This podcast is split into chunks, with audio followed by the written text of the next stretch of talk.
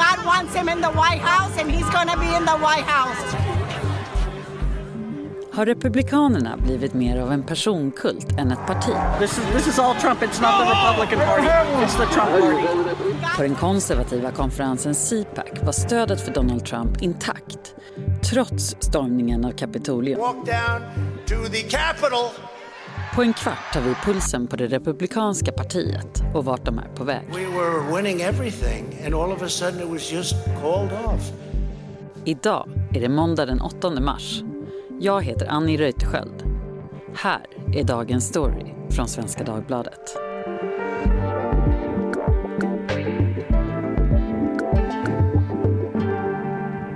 Erik Bergin är utrikesredaktör och har jobbat som korre i USA, bland annat under valet 2016.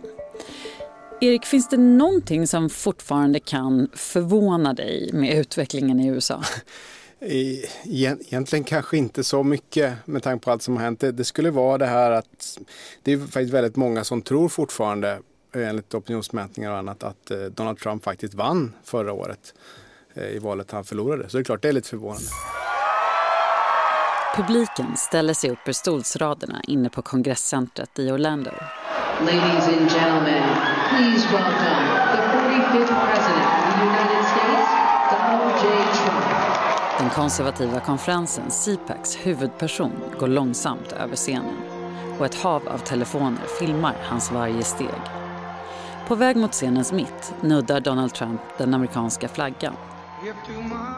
Men ex-presidenten börjar inte tala Istället väntar han ut låten och klappar händerna i långsam takt. Pekar in i publiken och upp mot himlen.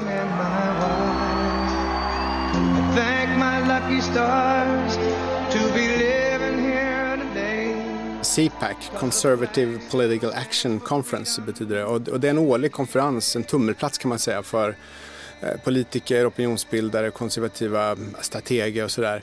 Och där talade han och det var eh, det första man hörde från honom egentligen sen han lämnade Vita huset 20 januari. Stormningen av Kapitolium har ju skapat stora sprickor i det republikanska eh, partiet. Märkte man av det i Orlando skulle du säga? Nej, egentligen inte och det är det som är lite intressant med den här situationen som har uppstått nu. Hela programmet under den här konferensen handlade egentligen om att partiet bör och många vill inom partiledningen och så vidare knyta partiets framtid till Donald Trump. Han framställer sig som den presumtiva kandidaten inför 2024 nästa presidentval. Och mycket av debatten och talen handlade om det. Och för eller emot Trump? Eller, för, eller bara för? Ja, en stor del för eftersom de som är emot Trump inom Republikanerna hörs inte särskilt mycket av. Thank you very much. And hello, CPAC. Do you miss me yet? Do you miss me?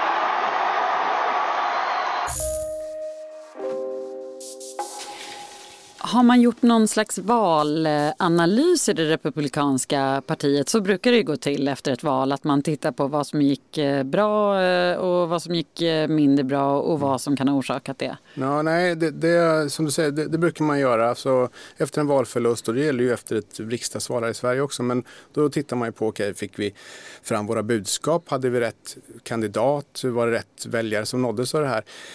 Den diskussionen ser man ingenting av det här utan mycket mycket handlar om att man siktar in sig på att det är Donald Trump som leder partiet. Det är han som eh, ska ta oss till nästa seger i nästa val 2024.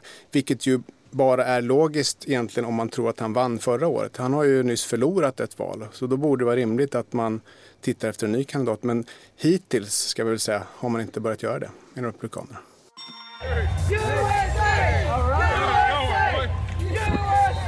Flaggor, tröjor och munskydd med texten Trump 2024 och Make America Great Again-kepsar.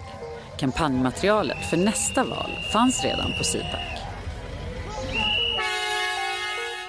Men vilka skulle rösta på Donald Trump idag? Ja, det 2016 som jag bevakade när jag bodde i New York, det valet, så var det en väldigt förenklad bild som spreds av att en typisk Trumpväljare är arg vit man utan collegeutbildning. Det där stämmer ju inte men det ligger en del i den bilden i och för sig. Han har starkt stöd i den väljargruppen men hade han bara vunnit dem 2016 hade han inte vunnit valet. Och han hade inte fått över 70 miljoner röster det här senaste valet heller. Utan det är en massa andra eh, republikaner som har röstat på honom då och som fortsätter stödja honom nu. Jag menar, småföretagare till exempel, folk som varit missnöjda med rikspolitiken på alla möjliga sätt. De gillar inte de ovilliga skatter, de vill ha färre regleringar, allt sånt där. Och där hittar man mycket av Trumps support i, idag. Och det finns en del forskning kring det där. Jag menar, du och jag är politiska och nyhetsmässiga nördar. Vi läser allting. Men många bryr sig inte om vad som pågår i Washington.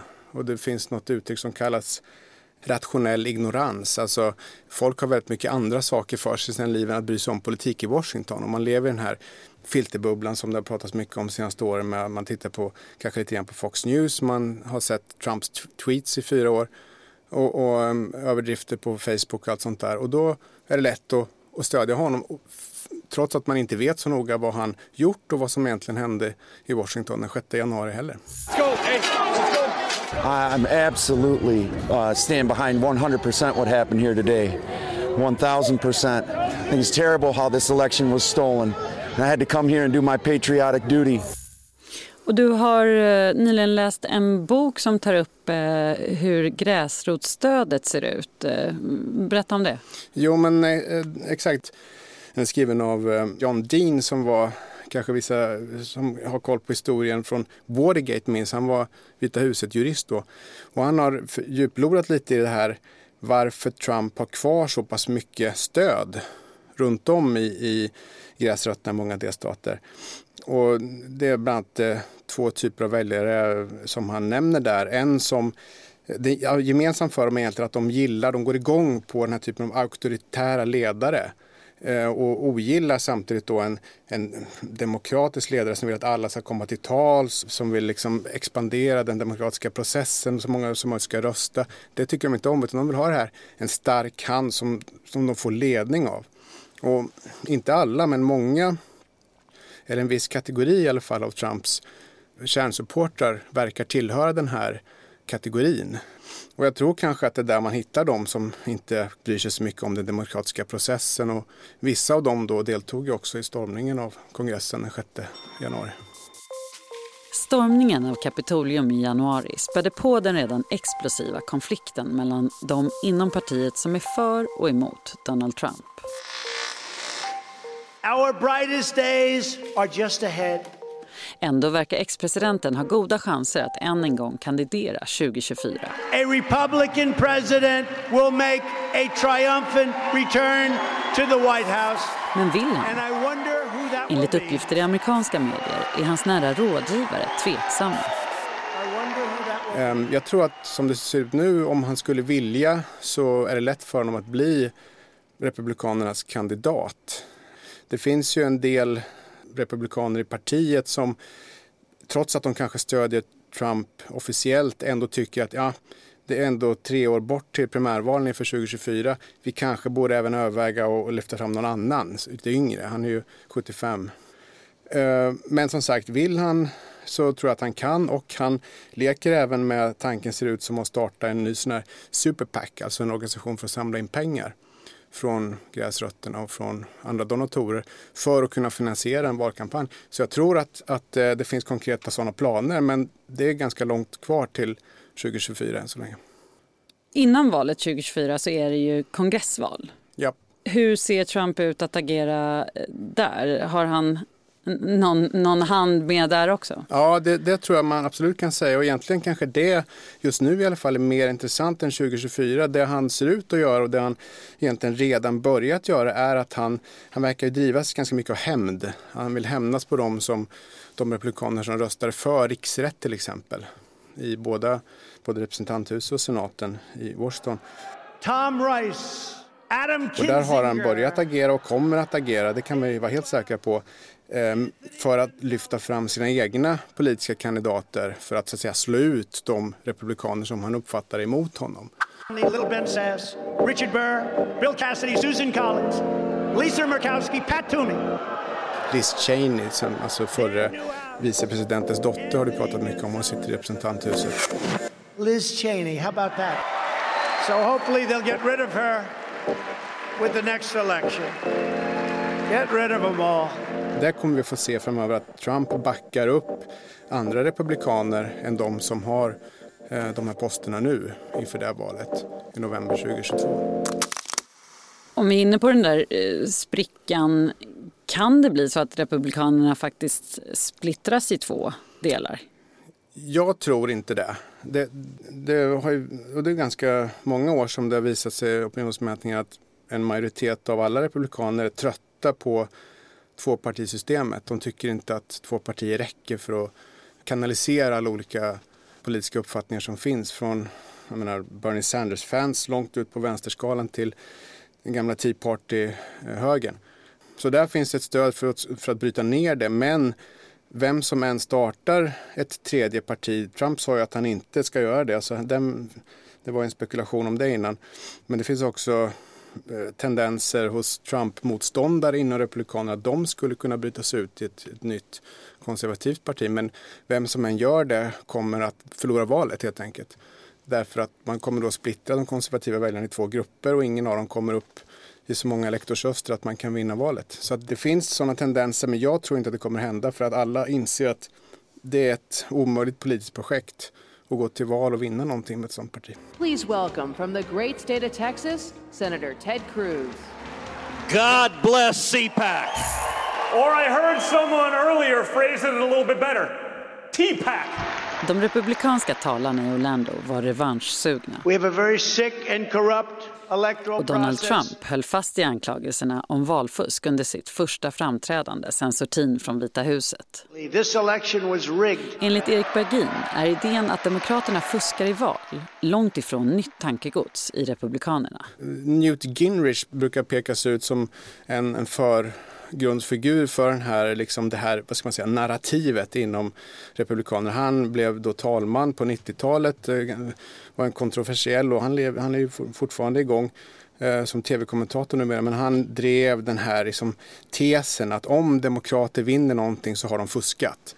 Eh, ungefär så. Och det har ju Donald Trump väldigt framgångsrikt får man säga dragit nytta av och använt sig av inför valet 2020 förra året men också inför eh, 2016 och eh, mellanårsvalet 2018. Där pratades det också om valfusk och sånt där.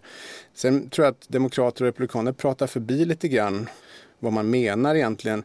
Trump pratade mycket om detta med poströster till exempel. Och det ser man nu efter valet att republikanska politiker i massa delstater försöker att återigen då begränsa poströstning.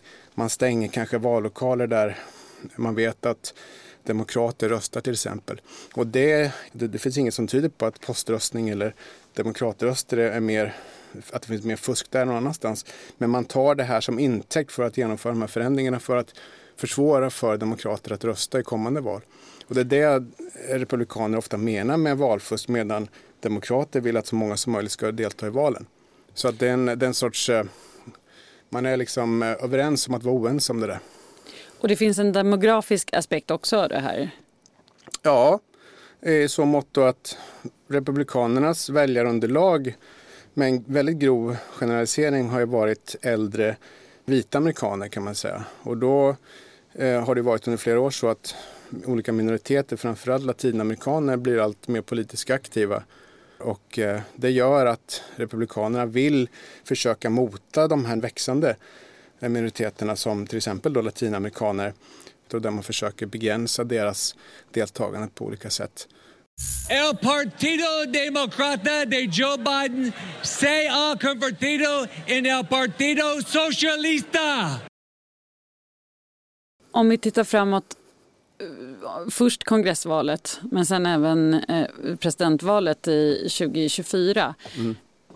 Har Trump lika stora möjligheter att påverka nu? Jag tänker framförallt på hans Twitterkonto som är avstängt. Han har inte samma kanaler som eh, tidigare. Nej, den bristen är nog svår för honom att kompensera för. Han hade ju mellan 70 och 80, om det var rent av drygt 80 miljoner eh, följare på Twitter. Eh, det finns inget bra sätt för honom att komma runt det. Sen tror jag också att det finns en annan faktor här och det är att nu är vi trots allt bara några månader efter valet 2020. Alla minns Trump så att säga. Um, apropå det här jag nämnde tidigare, många amerikaner har annat för sig än att följa politik. Det finns ju en möjlighet för anti-Trump-falangen inom Republikanerna att han faktiskt så att säga fejdar bort lite grann. Thank you, CPAC. God bless you and God bless America. Thank you all. Thank you.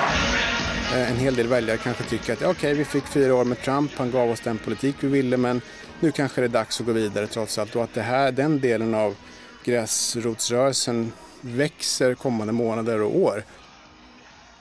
Och har man då inte tillgång till Trumps, eh, eller har han inte tillgång till Twitter på samma sätt så kan det ju vara att han fejdar bort.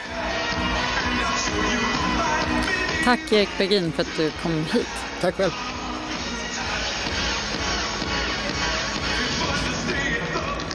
Vi som gjorde programmet idag är producent Daniel Persson Mora, redaktör Maria Gelmini och jag heter Annie Reuterskiöld. Dagens story från Svenska Dagbladet ger dig djup och perspektiv på de viktigaste nyhetshändelserna. 15 minuter varje vardag. Lyssna på Spotify och där poddar finns.